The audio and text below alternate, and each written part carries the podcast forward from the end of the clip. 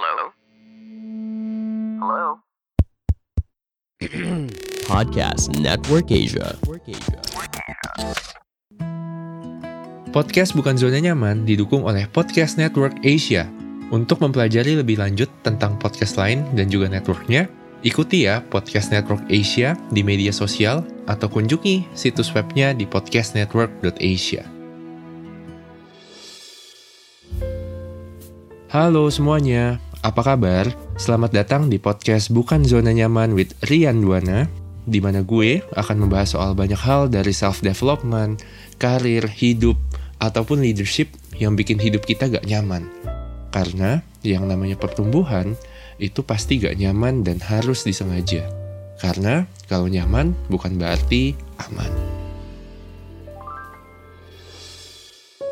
Halo semuanya, nama saya Michael. Sorry kalau mengganggu kamu yang lagi asik dengerin podcast ini. Tapi, kalau kamu mau dirangkumin buku secara singkat, yuk dengerin podcast Sikutu Buku.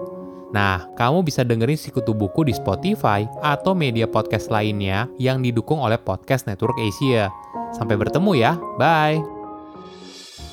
Jadi uh, untuk episode kali ini happy banget gue karena gue berhasil mengundang salah satu orang yang menurut gue cukup inspiratif. Uh, gue tuh be honest baru kenal dia tuh mungkin kurang dari setahun kali ya. Tapi selama setahun ini gue kenal dia gue banyak banget belajar dari orang ini. Dan hari ini gue pengen ngobrol-ngobrol sama dia buat tahu nih uh, ceritanya dia tuh seperti apa sih. Kenapa dia bisa sampai di sini sekarang dan bagaimana perjuangan dia tuh bisa keluar dari zona nyamannya dia dan bisa jadi seseorang yang gue gak mau spill nanti biarin dia sendiri yang spill ya jadi ya uh, gue mau kenalin uh, halo nggak Halo, halo. Halo semua. wow agak ini ya apa agak awkward juga ya kita ketemu di studio podcast gini karena biasanya kita ketemu kalau sambil ngopi sambil ngata-ngatain satu Sambil sama disuruh lain sambil disuruh kerja. sambil disuruh kerja dan sekarang eh, karena kita sama-sama udah gak di company kita jadinya sekarang kita datang sebagai bintang tamu dan podcaster jadinya Jai. agak agak agak awkward nih ya Ini udah business relationship, iya udah business relationship sekarang gitu so bukan bos dan anak buah. so mungkin eh, boleh perkenalkan dirinya sendiri dulu Oke. bapak Halo teman-teman semua. Eh, kenalin, gue Angga, Angga Fauzan. Em, sebelumnya merupakan tim dari Kak Ryan di company sebelumnya di salah satu fintech. Terus sekarang lagi ngebangun startup sendiri. Namanya MySkill. Silahkan dicek di, di Instagram atau di website atau di semua channel insya Allah ada. Oke. Jadinya em, Angga nih agak malu-malu memang. Jadinya gue pengen kenalin sedikit lagi. Angga itu adalah CEO dan co-founder dari MySkill, salah satu edutech terbesar di Indonesia Buset. Yang baru aja diinvest sama salah satu venture capital terbesar juga di Indonesia. Di So- Southeast Asia. di Southeast Asia. Oke, so he's just being humbled, humble. Terus habis itu Angga ini adalah lulusan S1 ITB ya lo ya? ITB. ITB uh, FSRD Fakul- Benar. Fakultas Seni Rupa Desain dan ngambil S2 di Edinburgh. Edinburgh University, Design and Digital Media. Yap, dan uh, full scholarship. Yes. Full scholarship dan Angga ini adalah penulis buku. Benar, benar sekali. Ada berapa buku nggak? Currently ada dua, lagi mau ongoing lagi beberapa. Iya, dan bukunya mau dijadiin film. Belum tahu, tergantung Karayan mau sponsorin filmnya atau enggak. Dan Angga ini juga punya salah satu punya satu channel YouTube namanya apa? Wah, itu rahasia. Oh, Oke itu rahasia ya. Belum di reveal sekarang. Belum di reveal sekarang tapi channel YouTube-nya udah dapat silver play button. So Button. Itu sebenarnya bukan punya aku sih, itu sebenarnya punya MySkill. punya my skill. Punya MySkill. I see. Terus sekarang kita lagi revamp semua videonya, jadi kalau teman-teman kunjungi juga paling nggak ada apa-apa. kita lagi mau perbaiki ulang videonya karena kok nggak nyangka banyak gitu subscribernya. Sih, makanya dari humble background seperti ini lihat deh teman-teman eh, yang ngedengerin mungkin seberapa produktifnya Angga dan seberapa banyak karyanya. So ya, gue bangga banget bisa jadi temennya Angga gitu. Tapi sebelum kita go deeper into that, nggak? Hmm. Boleh gak ceritain background lu sedikit gitu? Background dalam artian apa nih pendidikan, Eh, mungkin gini kali, karena kehidupan, kehidupan kali ya? Iya kehidupan Kehidupan gitu. ya. Mungkin eh, dari lu banyak cerita lah sama gue gitu kan. Benar. Tapi eh, sekarang mungkin gue pengen orang-orang tuh tahu apa sih yang menyebabkan lu tuh bisa seproduktif ini. gitu. Iya, iya. Jadi background kehidupan. Eh, sebelumnya disclaimer dulu, teman-teman, terutama buat satu dua netizen di sosial media yang mengira gue ketika gue cerita ini dianggapnya apa ya bragging atau apa pun itu. Cuma bagi teman-teman yang paham yang apa namanya akan menganggap ini sebatas cerita aja gitu. Nggak perlu diperbesar-besar. Jadi eh, gue berasal dari Boyolali Jawa Tengah. Cuma kecil di Jakarta sampai kelas 4 SD kemudian sampai sana tempat dagang bokap digusur sama pemerintah karena mau dijadiin taman. Sampai sekarang juga tamannya nggak jelas btw aku beberapa kali nyamperin. Kemudian habis itu kita pindah ke Jawa Tengah lagi balik ke Boyolali ke tempat eh, kampung halaman bokap. Di sana tinggal di bekas kandang kambing punya kakek. Jadi kakek punya kandang, eh, kandang kambing itu bentuknya kayak rumah gubuk gitu ya. Kemudian dibersihin.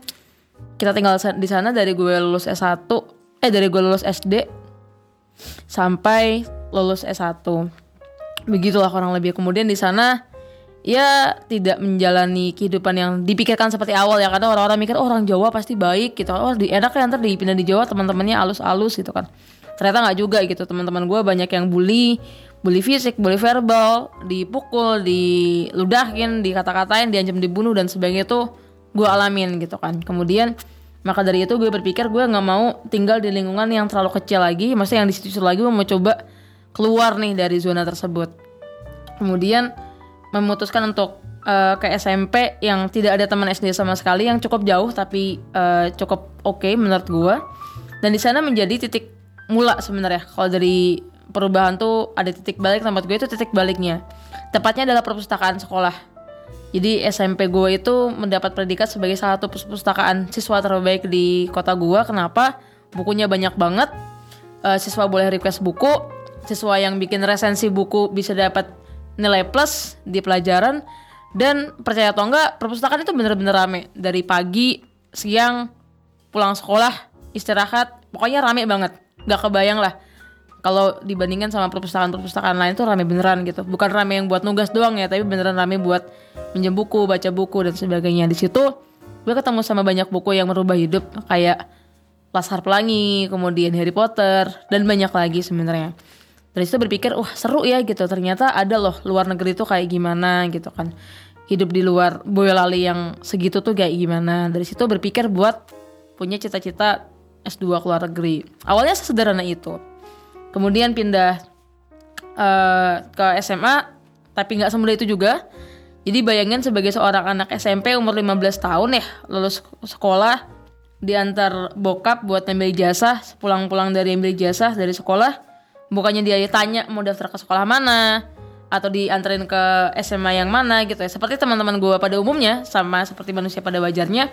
Enggak gue waktu itu umur sekitar 15 tahunan diajak ke tempat kursus komputer kak. Jadi dia diajak ingat banget gue itu beneran udah daftar udah masukin nama udah dapat formnya dapat selebaran dan sebagainya tapi sepulangnya di rumah gue menolak dengan keras gue nggak mau gue masih pengen sekolah.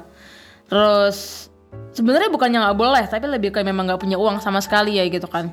Beneran nggak nggak nggak bisa gitu. Kemudian eh, dari situ gue diem-diem ke SMA yang gue incar pakai baju biasa dari rumah sampai sekolah ganti baju seragam daftar sendiri alhamdulillah diterima. Akhirnya bingung nyari pinjaman karena bener-bener nggak ada agunan dan sebagainya. Sampai kita muter-muter hampir banyak banget bank-bank KPR dan sebagainya di Boyolali samperin satu-satu. Akhirnya ada tuh satu bank yang mau minjemin tanpa agunan sama sekali karena ya tujuannya buat pendidikan tadi gitu katanya. Akhirnya masuk SMA tersebut eh, gue nggak mau menyanyiakan perjuangan bokap. Akhirnya rajin ikut lomba punya 14 piagam kejuaraan dari level kabupaten sampai provinsi juara satu ada. Kemudian mau masuk kuliah alhamdulillah dapat beasiswa lagi dari eh, bidik misi dari pemerintah. Kemudian S1 selesai lanjut S2 dari beasiswa lagi juga untuk kuliah S2 ke UK dan dari situ ya tadi pendidikan lebih baik kemudian pekerjaan juga sekarang bisa rehabilitasi rumah eh rehabilitasi renovasi ya renovasi rumah orang tua dari bekas kandang kambing lantai tanah eh, dinding kayu triplek gitu kan. Sekarang udah permanen. Bokap gue yang dulu katanya zaman zaman muda jualan gerobak eh, jagung rebus sekarang udah punya mobil sendiri udah bisa mau nyetir mobil sendiri punya motor punya banyak hal yang dia dulu nggak pernah punya adik gue sekarang bisa milih sekolah dan kuliah di mana pun yang dia mau dan sekarang udah kuliah tanpa memikirkan kepusingan biaya sama sekali kayak gue dulu so far kayak gitu sih I see. Wow, mungkin gue pengen bertanya satu hal yang simple banget gitu. Hmm. Nih, waktu lu masuk SMP ya, kan ruangan sekolah tuh banyak ya. Mungkin ada lapangan olahraga. Ada. Kemudian juga ada lab komputer misalnya. Atau ya ada kayak uh, hall. Ada, gitu, aula gitu ya. Aula gitu kan. Nah, kenapa lu memilih perpustakaan? mungkin dulu simply karena teman-teman gue teman-teman dekat ya waktu SMP teman sekelas tuh banyak yang anak perpustakaan sebenarnya Mm-mm. jadi kayak mereka tiap jam istirahat eh, tuh abis balik abis minjem buku mereka kan ke kelas mereka cerita eh ini buku lu ceritanya bagus banget loh dan sebagai gue inget lu awal-awal ceritain Harry Potter lagi hit banget ya 2008 2007 gitu kan kemudian apaan tuh apaan tuh? Kemudian dengar dari cerita mereka iya nih cerita gitu kan penyihir anak-anak sekolah dan sebagainya. Terus punya teman-teman yang baik gitu ada Harry, Ron, Hermione dan sebagainya. Dari situ gue merasa eh, gue butuh eh, I think teman imajinasi ya. Karena maksudnya dengan lihat eh, Harry Ron sama Hermione kan kita seolah-olah ngeliat oh ternyata persahabatan yang baik tuh ada yang Yeah. dulu waktu SD gue nggak punya gitu kan. Hmm. gitu jadi dari situ gue mencoba membaca ternyata seru juga. Udah gitu sih simple Jadi sesimpel dari lu ngebaca sese- sebuah buku fiksi fiksi. dan itu menginspirasi lu Benar. buat kayak punya sahabat yang baik dan bisa pergi ke benar karena kan Harry Potter itu kan Hogwarts itu kan ngumpulin siswa dari berbagai negara ya ceritanya. Iya, dan kayak gue merasa seru ya gitu bisa ketemu dengan orang berbagai latar belakang. Kalau di Boyolali kan ya udah dari situ-situ aja kan ibaratnya. Di sana kan seru tuh ada yang dari India ceritanya ada Iya. yang dari mana ada yang dari mana gitu kan gitu. Oke. Nah, oke lanjut mungkin waktu lu lu juga waktu kuliah gitu kan. Ya. Lu juga dari Boyolali berarti ke Bandung kan ya. benar Nah, gue ngelihat ya anak zaman sekarang tuh banyak banget diterpa sama isu isu yang kayak nggak percaya diri, membanding-bandingkan diri diri dengan teman-temannya gitu kan. Nah, ini sorry to say gitu, tapi lu dari Boyolali men, Benar. dari kampung kecil gitu ya, dibandingin dengan kota-kota besar lainnya gitu. And then you go to Bandung, lu ketemu sama orang ada teman gue anak menteri ada teman gue anak direktur bank mandiri Iya, ada teman gue yang uh-uh. sekolahnya di luar negeri gitu Yes. kan Nah, gimana caranya lu tuh bisa kayak lu setiap hari datang ke kampus kayak mata eh, badan lu tegak and then you say that hey mereka tuh juga sama loh kayak gue gitu. Justru kayaknya kebalik kak. Ketika Kebalik. maksudnya sebagian teman-teman merasa minder dulu ya, gue kayaknya keblinger. Gue merasa sombong justru nggak bohong. Ini, ini ini ini lucu ya, ini lucu ya, nggak Coba, bohong. coba, gimana, Jadi gimana? eh, ini ini ketika gue ulik-ulik lagi ternyata hampir semua anak ITB mengalami ini. Oke. Jadi mereka merasa mereka adalah juara di sekolahnya masing-masing. I see. Gak bisa bohong gitu kan. Lu, gue waktu waktu SMA juara lomba gambar kayak seprovinsi juara satu tuh kayak lu bayangin gitu kan anak umur 17-18 tahun juara satu seprovinsi se Jawa Tengah yang segede itu kan udah sombong banget gitu kan. Oke. Terus gue pernah eh, jadi finalis lomba cerpen, juara top 10 nasional dan sebagainya yang sifatnya umum dan seterusnya dan sebagainya. Gue merasa anjir gue keren gitu. Hmm. Terus kayak wah di SMA gue belum ada satupun anak yang masuk ITB. Gue adalah siswa, siswa pertama. Anjing gue keren. Gue selalu mikir gitu, gue keren gitu kan. Oke. Gue merasa gue keren gitu kan. Oke. Dan dari situ justru malah keblinger. Oke. Keblingernya dalam artian pas di sana eh gue nggak ngeliat kanan kiri gue, gue lupa bahwa teman-teman gue juga sama pinternya atau bahkan Iya. lebih pinter. Sehingga waktu itu gue mengambil tanggung jawab yang ternyata gue nggak mampu pegang. Jadi waktu itu kita si mahasiswa baru eh, di ITB itu ada yang namanya OSKM. Jadi OSKM itu orientasi siswa eh, orientasi eh, mahasiswa gitulah buat mahasiswa baru dari waktu itu kita dibagi kelompok-kelompok kecil kak. Jadi Yeah. like per 10 orang, 20 orang gitu gue lupa. Ya. Gue jadi ketua kelompok tuh di saat itu. Nah, Oke. kemudian para ketua kelompok tadi dikumpulin lagi gitu sama BEM-nya. Kemudian ditanya, siapa dari siapa lima orang dari kalian yang merasa paling bertanggung jawab terhadap Indonesia? Gitu kan. Maju gitu kan. Oke. Gue maju tuh bersama empat orang lainnya gitu Oke. kan. Akhirnya lima orang ini ditunjuk secara aklamasi oleh BEM untuk bikin kegiatan buat teman-temannya. Jadi Ya. yuk mahasiswa baru bikin event bareng yuk gitu kan. Berarti gitu pengabdian masyarakat. Yap. Nah dari lima orang itu, eh gue lupa gimana ceritanya. Intinya gue didownload sebagai ketua. Kayaknya waktu itu gara-gara gue cukup talkative dan kepedean dan orang-orang simply mikir, tahu nggak sih kayak, wah ini orang kayak berisik nih gitu kan. Iya, iya, oke. Lah dia aja gitu kan, kebayang gak sih kayak Iya. gitu kan. Kayak mahasiswa ambisius gitu Iya ya. kan, Oke, ah, habis oke. nih, habis nih gitu kan. Iya, iya, Udah iya. dia aja gitu kan. Uh-uh. Tapi ternyata eh Leta tidak know bahwa ya gue nggak mampu gitu. Oke. Jadi gue nggak aware gitu kak. Oke. Kayak teman gue ada yang dari eh, SMA 8 dia kayaknya dulu ketua osis gitu. Oke, ada yang dari oke. SMA 3 atau SMA Bambang Bandung yang dulu juga ketua osis. Means kayak gimana sih? Sejago-jagonya dulu atau se- seru seaktif-aktifnya gue dulu eh, berorganisasi ketika di Boyolali di SMA. Level exposure dan level eh, besaran aktivitasnya tentu beda dengan yang teman-teman di Jakarta, di Bandung maupun kota-kota besar lainnya kebayang gak sih? Oke. segede-gedenya kita bikin apa namanya lustrum sekolah gitu ya ulang tahun sekolah paling undang siapa sih gitu kan ibaratnya mereka levelnya udah udah gede banget itu So, seru-serunya kita bikin hari olahraga atau apa pasti kecil-kecilan gitu kan nah Iya. tas di situ ternyata gue merasa gue nggak pandai memimpin mereka semua yang eh, secara nulis dan sebagainya udah lebih jago tapi waktu itu gue eh, merasa satu gue merasa harus terus berubah dan terus memperbaiki diri tapi nggak bisa-bisa tapi di sisi lain eh, waktu itu juga nggak banyak yang ngingetin gue secara langsung gitu Oke. atau menasehati dengan dengan gue nggak bilang nggak ada yang menasehati sih tapi kayak nggak ada yang ngehit bahwa eh, gue tuh harusnya gimana gitu. jadi Oke. ibaratnya beberapa teman-teman tuh eh, kesal sama gue gue bingung mau ngapain udah gitu. Jadi nggak ada nggak ada titik temunya. Hmm. di situlah gue merasa mulai down banget. Jadi waktu itu gue tiap ke kuliah tuh pakai jaket hoodie gitu kak. Beneran buat Oke. nutupin muka maksudnya nutupin kepala karena malu banget ketemu orang-orang Oke. gitu. Eh, sal- banyak salahnya gitu. Gue ngilangin surat lah teman-teman gue malam-malam tuh masih lembur di sekretariat gue malah eh gue pulang duluan ya gitu kan. Maksudnya hal-hal yang kalau gue sekarang pikir kok gue gue dulu bego banget gitu. Kayak nggak ada empatinya sama mereka gitu kan. Banyak banget lah. Iya, iya. terus kayak eh, mereka mau pengen mas ke mana berangkat tengah malam tuh ya gue ketiduran di kosan gitu. Baru baru datang besok pagi tuh emang jahat banget Iya, sih. iya. makanya hal-hal kayak gitu kan gara-gara keselip akhirnya titik baliknya adalah waktu itu ketua BEM-nya eh, ngajak gue ngobrol one on one kemudian dia bilang gitu eh, dia pokoknya ngasih tahu gue satu harus berubah kedua dia bilang gue jangan sampai berhenti di sini. Berhenti means udahlah gue nggak jago memimpin organisasi gue nggak gak usah ikut organisasi lagi deh gitu. Kan gak usah ikut organisasi lagi. Tapi dia bilang jangan berhenti kenapa? Karena kalau lu terusin kalau lu belajar berubah gitu lu nggak bakal tahu ntar ntar lu tuh bakal jadi apa gitu I kan. see. akhirnya ya udah eh, gue coba perbaikin pelan-pelan walaupun juga nggak bisa menghapus semua kesalahan teman-teman gue yang karena gue berbuat salah tapi ya pelan-pelan berubah lah I see. Tapi justru menariknya ya, mungkin eh, tadi lu cerita agak panjang, gue coba breakdown Boleh, apa boleh. yang gue dapat gitu. Pertama bahwa yang namanya kepercayaan diri itu tuh kadang-kadang bukan dari apa yang kita udah lakukan loh. Karena ya ketika kita confidence with ourselves gitu, ya kita bisa nggak usah takut lah dalam menghadapi apa pun tantangannya gitu. Jadinya nggak nggak perlu uh, compare kiri kanan nih gitu, tapi cukup berkaca aja sama apa yang udah kita lakukan dan ya kita bisa ngelakuin. Tapi yang pasti juga yang gue pelajarin jangan terlalu sombong, sepakat banget ya jangan terlalu kayak bu, eh, oh oke gitu, gue udah juara gitu kan ya.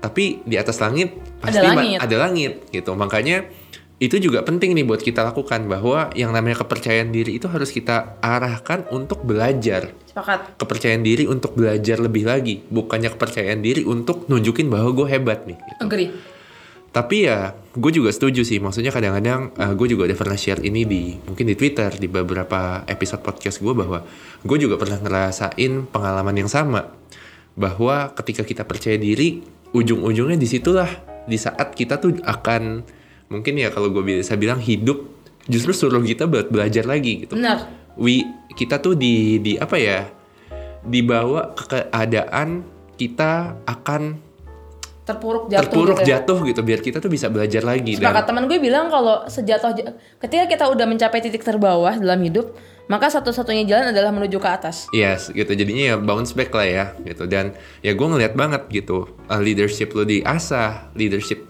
uh, ke- kepemimpinan kemudian cara lu attitude lo juga dibentuk yang baru gitu kan karena Bener. mungkin tanpa keadaan yang lo terpuruk kemarin gitu ya Nggak bakal jadi kayak lu sekarang nggak bakal sih. jadi yang kayak sekarang gitu dan semoga itu juga berguna buat yang ngedengerin ya gitu bahwa Sepakat.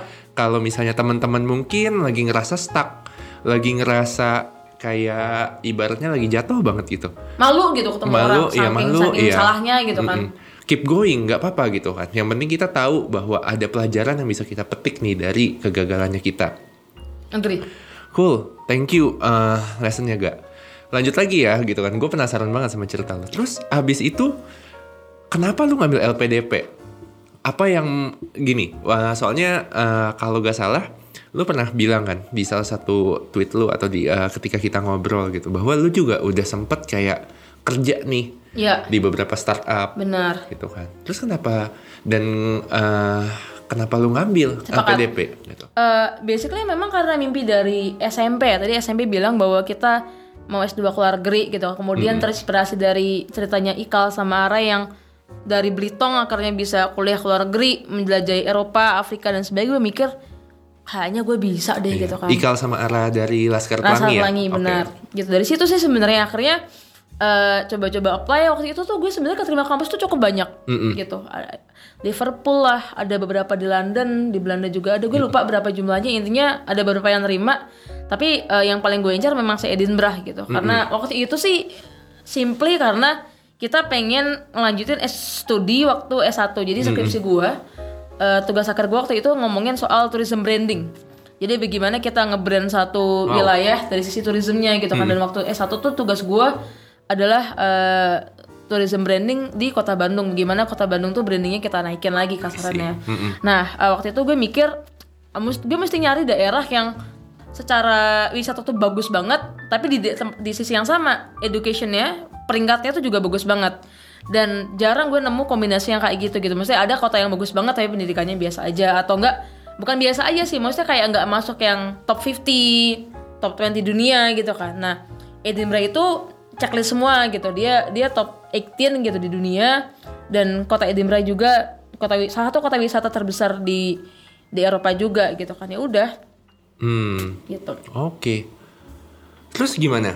Eh, oke, misalnya nih ya gitu kan, karena mungkin buat di sini buat teman-teman yang relate, kadang kan kita nggak bisa tuh mengorbankan antara pekerjaan atau kita mengorbankan pendidikan gitu, karena ya biasanya in some cases generally ya gue nggak nggak menyamaratakan semua, tapi generally ketika lu harus S2, lu harus meninggalkan pekerjaan lu. Sepakat. Di saat itu mungkin ya gitu kan ya orang tua lu juga mungkin butuh lu gitu Sepakat. buat kayak ngebiayain hidup adik lu juga gitu kan so how you deal gitu kan Oke. how how can you manage bahwa oke gua pergi S2 I think I think firstly about the preparation dulu ya. Jadi eh, banyak yang mungkin nggak tahu nyiapin buat S2 tuh jujur mahal banget. Mahal banget bisa dibilang mahal banget. Jadi eh, gue pernah empat bulan itu ngambil tes TOEFL. ya Empat bulan berturut-turut nggak ada satupun yang lolos skor minimum awalnya. Jelek lah pokoknya karena nggak tahu deh kenapa. Karena eh, pada waktu itu gue empat bulan tuh belajar intensif banget kayak pagi siang malam dan waktu itu kantor gue tuh sering banget pulang jam 10, pulang jam 11, pulang jam 9 malam tuh masih sore lah istilahnya. oke Tapi ya ya gitu, mau gak mau kita- gue harus deal sama itu. Jadi tiap pulang kerja malam tadi, pulang-pulang gue belajar bahasa Inggris buat ngerjain TOEFL dan selama 4 bulan nggak kecapai sama sekali. Capek kan. Nah, akhirnya em, coba cara lain, nyoba IELTS, alhamdulillah keterima. Nah, kemudian eh, waktu akhirnya lolos LPDP di UK, itu tuh sebenarnya uang tabungan LPDP itu juga cukup besar kak. Oke. Jadi gue masih bisa ngirim buat rumah, apalagi waktu itu eh, rekening bank yang dipakai sama LPDP ya salah satu BUMN pemerintah yaitu eh, bisa dipakai buat transaksi luar negeri gitu. Hmm, oke Gitu. Jadi eh, sangat mencukupi sih sebenarnya oke Jadi- secara itu ya secara tapi yang jadi poinnya justru menurut gue adalah gimana sisi persiapannya tadi karena kan sambil kerja ya Iya. dan nggak semua orang bisa gitu. Dan gue juga bertata hati-hati banget sih gitu karena ada teman-teman gue yang beneran udah dua tahun tiga tahun nyiapin nggak dapat dapat juga gitu kan. Bahkan gue juga pernah inget tuh ada satu hari gue sampai latihan interview interview LPDP itu sama lima orang di lima tempat berbeda-beda. Jadi gue samperin ke mana ke mana ke mana buat nyiapin itu dan dan eh, kita kan punya kerjaan gitu ya. Jadi memang nggak nggak mudah. Belum lagi pas akhirnya ngambil IELTS IELTS itu juga 3 jutaan gitu ya. 2, 2 juta 3 juta. Dan untuk orang-orang yang baru fresh grade sih itu angka yang besar ya Iya. sebenarnya. Mm-mm. gitu sih kak. Oke. Nah salah satu lagi adalah itulah alasannya kenapa gue milih ke UK oke kenapa karena memang? UK itu setahun doang. Oh jadi oke. ibaratnya kalau gue di Europe kan eh, dua tahun tuh kayak di Belanda di Jerman kan. Dua tahun bahkan mungkin bisa lebih. Daripada dua tahun cuma belajar ibaratnya ya kasarannya cuma education doang karena gue mau jadi praktisi bukan Iya. mau jadi dosen jadi gue memilih setahun kuliah setahun belajar gitu kan Mm-mm. eh Oke. setahun setahun setahun kuliah setahun kerja jadinya kan kasarannya Mm-mm. dibandingkan kalau lu S2 nya di Eropa ya dua tahun itu cuma belajar doang gitu kan Iya. gitu I see. kebayang maksudnya Iya, kebayang, kebayang. Terus habis itu ya, mungkin uh, kalau teman-teman selain tahu Angga itu adalah sekarang adalah CEO dan foundernya MySkill, Angga ini juga aktif di Twitter, aktif juga di Instagram buat bikin konten-konten untuk anak muda Indonesia lah mengenai mungkin self development, pertumbuhan gitu. Nah, itu tuh mulainya dari kapan nggak? Apakah waktu lu di S2 di Edinburgh atau mulainya tuh sebenarnya tengah tahun lalu sebenarnya sih kak Oh, oke. awal-awal gue masuk ke kantor kita yang sama Oke. awalnya mulai dari situ sebenarnya kenapa gue mulai main twitter lagi awal eh, tarik ke belakang gue dulu kerja di salah satu edutech Em, di situ gue mulai aktif lagi main twitter kan rajin main twitter dan Oke, sebagainya Sorry, sorry. Tapi sebelum lu masuk ke edutech itu, lu udah main Twitter? udah gue bikin akun twitter mah dari zaman SMA Oke. cuma nggak aktif Gak aktif? Nggak aktif. Oke. Sekali doang banget kayak sampai lupa kadang. Nah, pas masuk ke edutech tadi, eh, gue mulai sering tuh gitu karena eh, pas S2 gue pernah bikin thread tentang nyeritain tentang perjalanan hidup gue dan itu viral. Oke. Sampai gue diundang di Hitam Putih, di Hotman Paris, banyak lah gitu Iya. sampai banyak lah. Dapat liputan tuh dari dari situ dari thread tersebut pas gue S2 kemudian akhirnya kerja kan. Kerja aktif eh, mulai bikin Twitter sedikit-dikit eh, set posting dan sebagainya.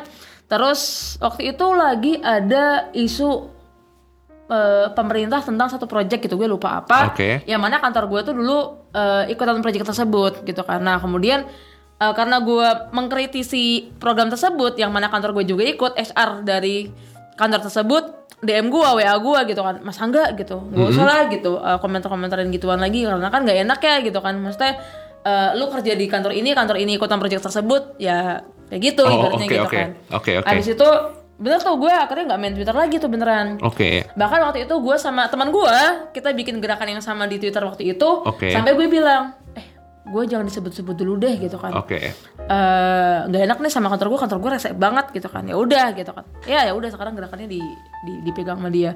Nah kemudian pas cabut dari kantor tadi ma- masuk ke fintech yang kita kerja bersama, Iya.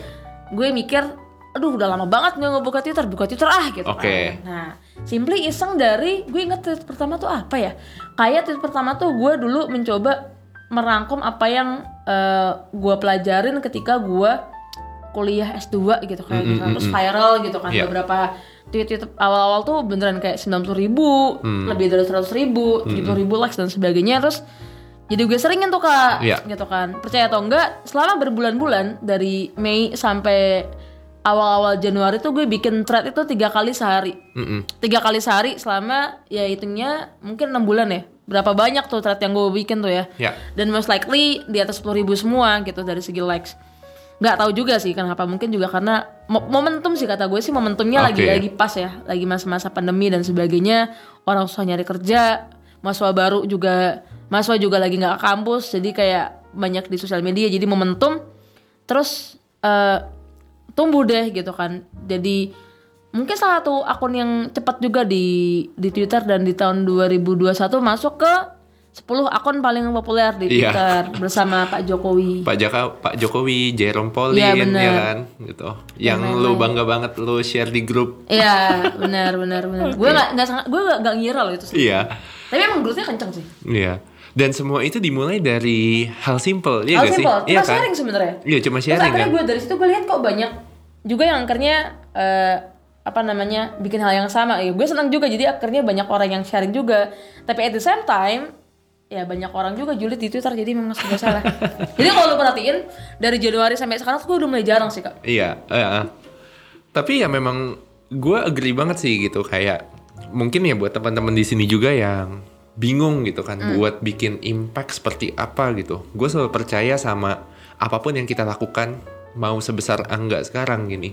Ini selalu dimulai dari hal kecil, Hal sederhana. hal sederhana gitu. Yang penting kita ya tetap konsisten ngelakuin, tetap setia ngelakuin dan justru di situlah gak nyamannya gitu. Kita pasti gak nyaman kan kayak kayak mungkin uh, kalau boleh sharing sedikit apa yang gue lakukan di Twitter ya gue sharing konten ya kadang nggak banyak yang nge-like atau nggak banyak yang retweet gitu. Atau kayak gue sempat berpikir kayak oh ini impactful enough gak sih? gitu. Tapi balik lagi gue belajar juga dari Angga karena ya gue banyak banget ngobrol sama Angga tentang uh, content creating.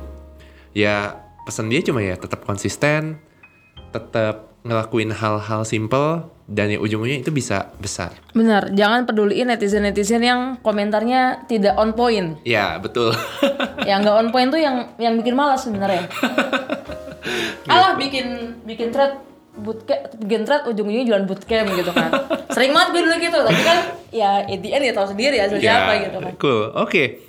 So that's a bit about Angga gitu kan. Makanya yang tadi kayak gue bilang di di awal podcast, uh, he's a really interesting guy gitu kan dengan banyak pengalaman. Gue gak pernah diundang ke hitam putih, tapi waktu gue masuk di fintech tempat kita kerja bareng, anak uh, tim gue udah pernah diundang ke hitam putih dan ya ternyata aslinya nih kita di podcast ya formal, tapi aslinya sih kita suka ngata-ngatain Suka ngata-ngatain Iya, satu suka sama lain. ngata-ngatain satu sama lain ya. lain maupun orang lain. Iya. Ngata-ngatain gitu. satu Oke, lain sama lain. well, let's talk about my skill dan sekarang gitu. Sure. Oke, gim, eh, gue cukup penasaran sih karena, oke, ini eh, Angga agak kurang ajarnya begini. Jadinya gue gak pernah tahu dia punya satu startup yang namanya My Skill karena dia gak pernah ngomong. Humble soalnya. Humble soalnya kan ya. Humble, humble-nya pamer gitu. Humble-nya pamer. Diam-diam aja gitu. Terus tiba-tiba dia bilang, "Kak, ini punya gue My Skill." Hah? Followernya banyak gitu kan. Udah besar gerakannya gitu. Gue yang kayak, "Wow" gitu. Eh, boleh ceritain sedikit gak gitu? Hmm, hmm, hmm. Mungkin awalnya lu mulai sama siapa? Nama-nama Era. Endang. Endang. Panggilannya Endang cuma nggak tahu kenapa dia kayaknya kurang suka nama Endang ya. Iya. Jadi di semua media sosial dan media rilis kita namanya nama kedua dia gitu. Iya. Rahmat Rahmat. Rahmat kan. Terus yang lucunya Angga gak pernah kenalin gue ke partnernya. Partnernya sendiri yang mengenalkan dirinya ke gue. Iya iya iya iya nggak tahu kenapa. Kurang, kurang ajar memang ini Angga. kurang ajar. Iya. Silakan nggak cerita tentang Awalnya ya, awalnya sebenarnya bisa dibilang mulai dari Twitter sih sebenarnya. Tadi kan gue bilang kita rajin bikin uh, thread gitu kan, uh, bikin banyak konten-konten yang sebenarnya basically ya gue ingin membagikan apa yang gue pelajarin ke orang lain juga biar orang sama-sama belajar titik. Simple kan? Oh gue pernah belajar ini. Gue kasih tahu aja gitu. Orang suka nggak suka terserah ya tapi ternyata ramai. Dari situ mulai awal-awal kita bikin pelatihan. Gue inget banget pelatihan pertama yang kita bikin tuh adalah bahasa Inggris. Pengajarnya juga istri gue sendiri gitu kan. Oke. saking gue nggak yakin itu bakal rame gitu kan jadi biar ya udahlah kalau kenapa-napa istri sendiri gitu kan yang yang ngajar gitu kan emang kurang ajar sih Iya emang kurang ajar. Terus kemudian eh, oh rame waktu itu gitu. Kemudian kalau boleh sebut nominal waktu itu kita kita bikin pertama kali dapat 20 juta gitu kak. Mm-mm. 20 juta eh, untuk kelas kelas IELTS gitu kan. Waktu itu gue lupa. Terus kemudian kok rame ya bos gitu kan. Kemudian kita bikin lagi, berikutnya kita bikin kelas Excel em, yang datang 140-an secara organik per orang bayar I think 99 ribu ya sekitar 13-14 juta gitu kan. Hmm. kok rame ya bos? Gitu kan. Mulai dari situ aja gitu. Rame rame rame rame rame. Kemudian em, akhirnya ya udah kita gedein aja gitu. Pelan pelan bikin MVP kemudian bikin website kemudian em, bikin struktur yang lebih rapi lagi gerakan yang lebih rapi lagi sistem yang lebih rapi lagi sampai akhirnya sekarang udah tumbuh gede banget sih gitu. Ketika ketika dulu kita masih apa namanya sangat organik gitu ya ngandelin thread yang dibikin sama founders foundersnya sekarang ya itu gue sama teman gue nggak mesti rutin nge-thread lagi buat jualan ibaratnya gitu kan udah ada sistemnya I see. gitu dan sekarang MySkill tuh usernya udah hampir 800 ribu mungkin 2-3 hari lagi kecapai 800 ribu dalam kurang dari setahun Mm-mm. gitu kemudian dari semua followers sosial media kita dari YouTube eh, LinkedIn dan sebagainya mungkin sekitar satu juta Wow. terus apa ya kita dapat investor baru aja dapat investor dari the leading investor di Southeast Asia namanya East Ventures dia yang invest di eh, Tokopedia, Traveloka, IDN Times, Glints, Lemonilo dan sebagainya. Hmm, I see. Tapi mungkin ya sebelum kita go detail into my skill, gue penasaran deh. Kenapa lu passionate banget di educations? Ya, Gitu. cause I believe ketika kita bisa bantu satu orang dalam belajar upgrade skill atau dapat pekerjaan yang mereka inginkan, itu nggak cuma ngebantu dia, tapi ngebantu orang-orang di sekitarnya. Itu selalu gue katakan kepada siapa pun, kepada investor, kepada calon investor, kepada orang-orang yang sekarang tertarik buat invest, gue selalu bilang kayak gitu gitu. Eh, karena basically fondasinya adalah back story sih kak, yang tadi kita cerita di awal ya. Gitu. Iya. Jadi I think my skill itu not uh, a business at first point gitu. Sampai Yeah. sekarang tuh gue nggak pernah nganggep my skill tuh bisnis dulu gitu, baru yang lain-lain. Gue selalu nganggep my skill tuh adalah gerakan, Yeah. movement gitu. Baru bisnis tuh number two atau number three lah. Hmm. Gitu. Oke. Tapi justru dari passion lu itu Dari yang passion. Dari passion, dari kegelisahan, dari apa yang bener-bener kita alamin. Soalnya gue sering sih kak, maksudnya punya banyak banget temen yang juga bikin mungkin ya agak-agak serupa satu dua fitur mungkin sama atau bahkan mungkin bikin startup-startup lain gitu tapi fondasinya atau drivernya adalah uang gitu kan Iya. biasanya nggak bertahan lama sih. Pun misalkan dapat duit gitu ya oh eh, apa namanya revenue generating gitu dapat profit dan sebagainya kadang-kadang tuh ya nggak long lasting gitu ibaratnya karena udah keburu kalap dulu sama uangnya gitu kan. Karena percaya atau enggak eh, MySQL dari awal sampai sekarang sih gue belum ngambil uang sama sekali. Oke. sama Oh, sekali sama sekali ngajar. Enggak apa enggak padahal dari tadi gue promosi MySQL ini itu sama sekali belum ngambil uang Hmm, oke. Tapi memang gue juga agree sih sama lo sih gak karena menurut gue uang itu tuh by products dari apa pun yang kita lakukan. Sepakat. I- kalau kita melakukan sesuatu dengan baik, pasti uang akan nyusul.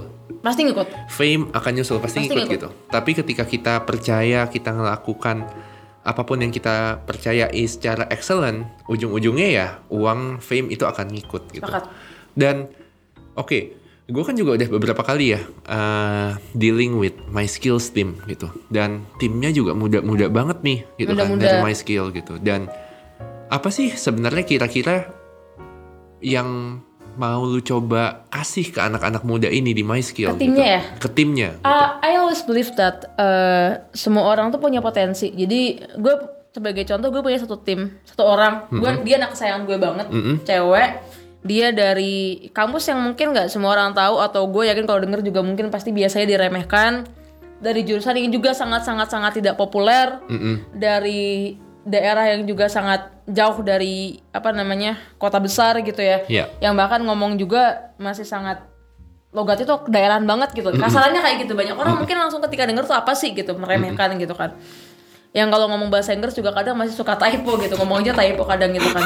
tapi tapi I believe that dia tuh punya grit gitu. Dia Iya. punya dia punya semangat juang gitu kan. Maksudnya terlepas dari segi knowledge-nya dia udah sejauh apa ya wawasannya, tapi dari segi grit, dari segi eh, perjuangan dia, kemudian kecintaan dia untuk ngembangin produknya MySQL ini bareng-bareng itu nunjukin bahwa eh, dia adalah orang yang layak untuk menempati posisi itu. For the example, dulu awalnya dia itu adalah anak buah dari seseorang katakanlah gitu ya untuk satu tim tim tersebut yang sekarang di handle.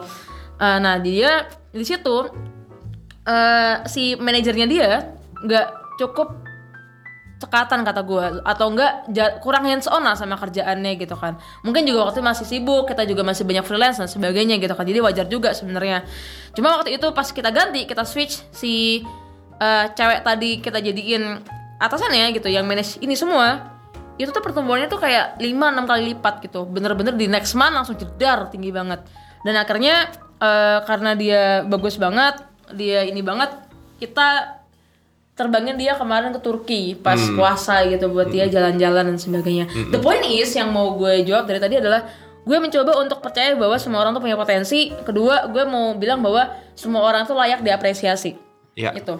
Dan gue agree banget sih sama karena gue juga kenal siapa yang lagi kita obrolin. Uh, ki- uh, gue sempat ada meeting sama salah satu uh, tim membernya MySkill waktu itu dan waktu itu setengah tiga di Turki Iya. dan dia ikutan. Dia ikutan ya. Iya. Walaupun gak harus dia datang kan. Iya gak harus dia datang dan gue bilang sama dia, eh lu tidur aja besok jalan-jalan kan? Enggak kak nggak apa-apa. gitu. Dan ya memang gue agree banget gitu kan karena Ini ya konteksnya kita nggak maksa dia kerja ya, Iya, bukan berarti uh, uh, uh, bukan berarti uh, working hour-nya nggak jelas gitu. iya gitu. Tapi ya memang karena dia passionate dengan dengan apa dengan dengan apa yang dia lakukan gitu. Makanya gue agree banget sih. Yang namanya grit atau yang namanya hmm, kegigihan itu tuh memang jadi salah satu faktor penting untuk kita tuh bisa bertumbuh menurut gue karena Sepakat. ya baik lagi gitu kan. Kalau cerita angga cerita dia di kampusnya cerita bagaimana dia bisa pindah dari SD ke SMP yang mungkin di SD-nya dia dibully dan SMP-nya justru dia jadi someone di situ. Dari seseorang yang kayak dari daerah anak daerah terus bisa masuk ke salah satu kampus yang uh, cukup besar di Indonesia.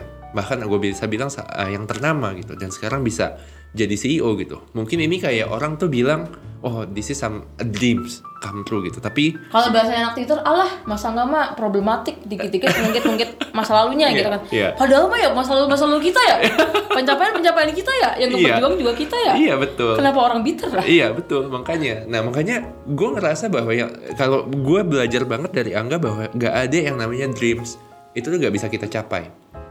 Kalau misalnya kita mau aim tinggi pun gitu, orang bilang kan, if you are aiming for the moon, if you are failed, at least you are landed among the stars. Ya if you are lucky ya you will be get to- uh, you will go to the moon Iya. gitu.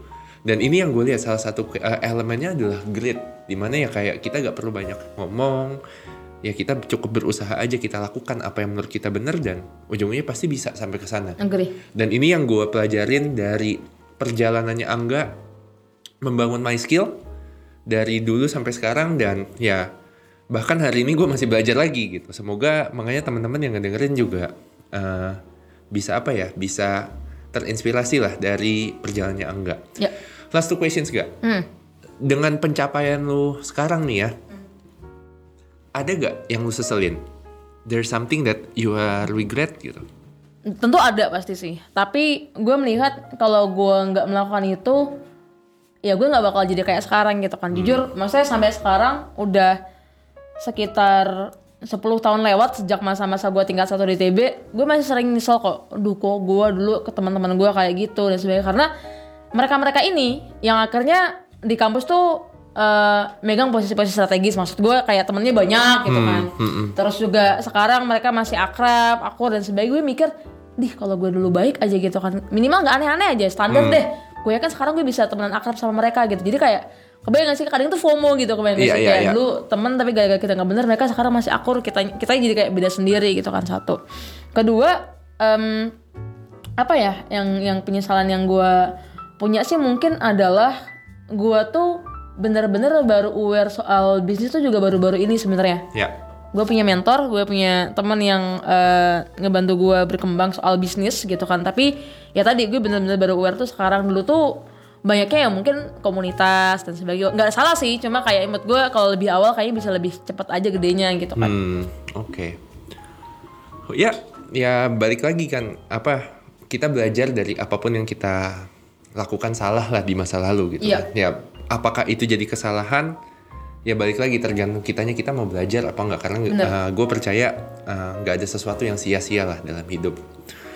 Oke, ada yang kita udah sampai di eh, sesi akhir podcastnya. Ada yang lu pengen sampaikan nggak buat pendengar bukan zona nyaman? gue pernah bikin thread ini dan waktu itu cukup rame kak jadi gue bikin kalau nggak salah 5 sampai 10 hal yang ngebuat kita tuh gagal gitu Ya. manusia tuh nggak pernah berhasil tuh karena 5 sampai 10 hal itu berdasarkan versi gue ya tentu Ya. nggak ada nggak ada ilmu ilmiahnya dan ini yang ngebuat kadang tuh kayak kita tuh bertanya-tanya kenapa sih gue udah berjuang keras tapi kok gagal terus katanya kalau lo berjuang pasti berhasil kalau lo berjuang pasti bisa mewujudkan mimpi gitu kan.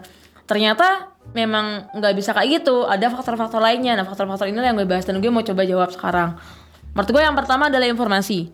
Gitu kita ke- kerap kali mencoba untuk nabrak tembok tapi lupa bahwa di sebelah tembok itu ada pintu. Kebayang nggak maksud gue kita nggak nyari informasi caranya harusnya gimana sih? Kebayang gak sih? Iya. tapi berusaha betul gue kan berjuang gitu. Jadi kayak seolah-olah meromantisasi perjuangan tapi lupa bahwa ada satu hal yang lebih perlu dipikir ya ini caranya gimana berjuangnya? Hmm. kebayang nggak contoh waktu gue di ITB masuk ITB pertama kali sebagai mahasiswa biaya hidup 700 ribu satu semester gitu ya. Dari orang tua gue 700 ribu doang satu semester kemudian makan sehari sekali eh apa namanya gue dulu punya cita-cita pokoknya gue harus lima kali keluar negeri selama S1 gitu kan.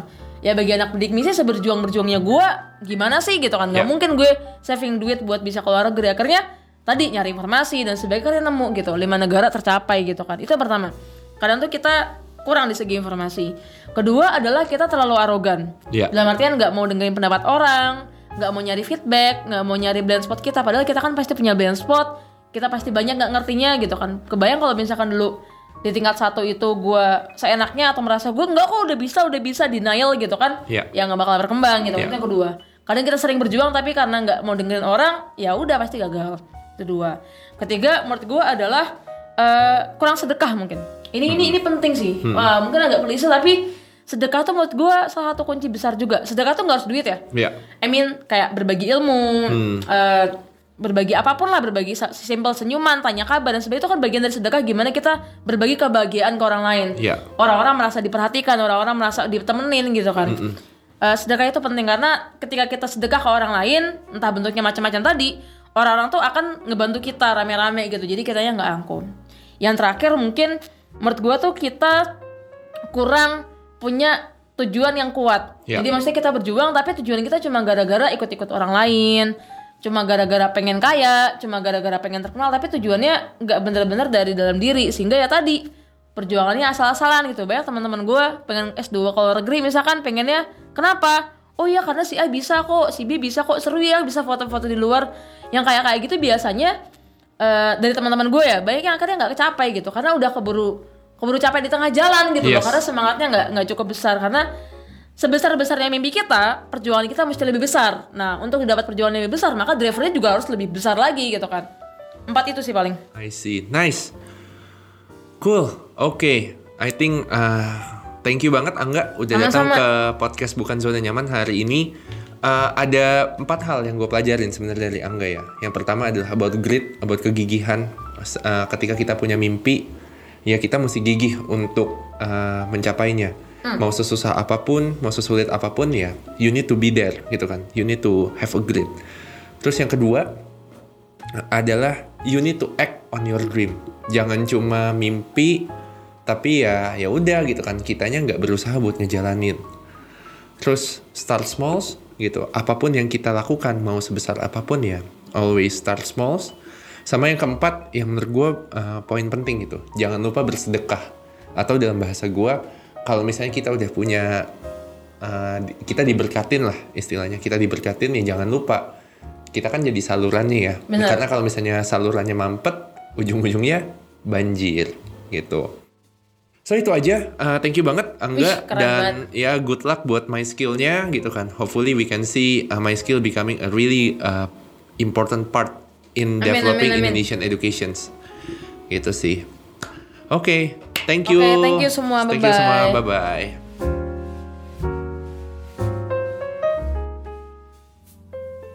Buat kamu yang tertarik untuk keluar dari zona nyaman, tungguin ya episode baruku setiap hari Senin jam 8 malam. Atau bisa juga dengar episode-episode sebelumnya di podcast Bukan Zona Nyaman with Rian Duana dan Podcast Network Asia.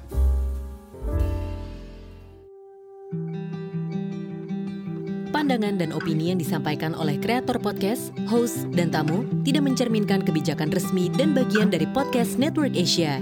Setiap konten yang disampaikan mereka di dalam podcast adalah opini mereka sendiri dan tidak bermaksud untuk merugikan agama, grup etnik, perkumpulan, organisasi, perusahaan, perorangan, atau siapa pun dan apa pun.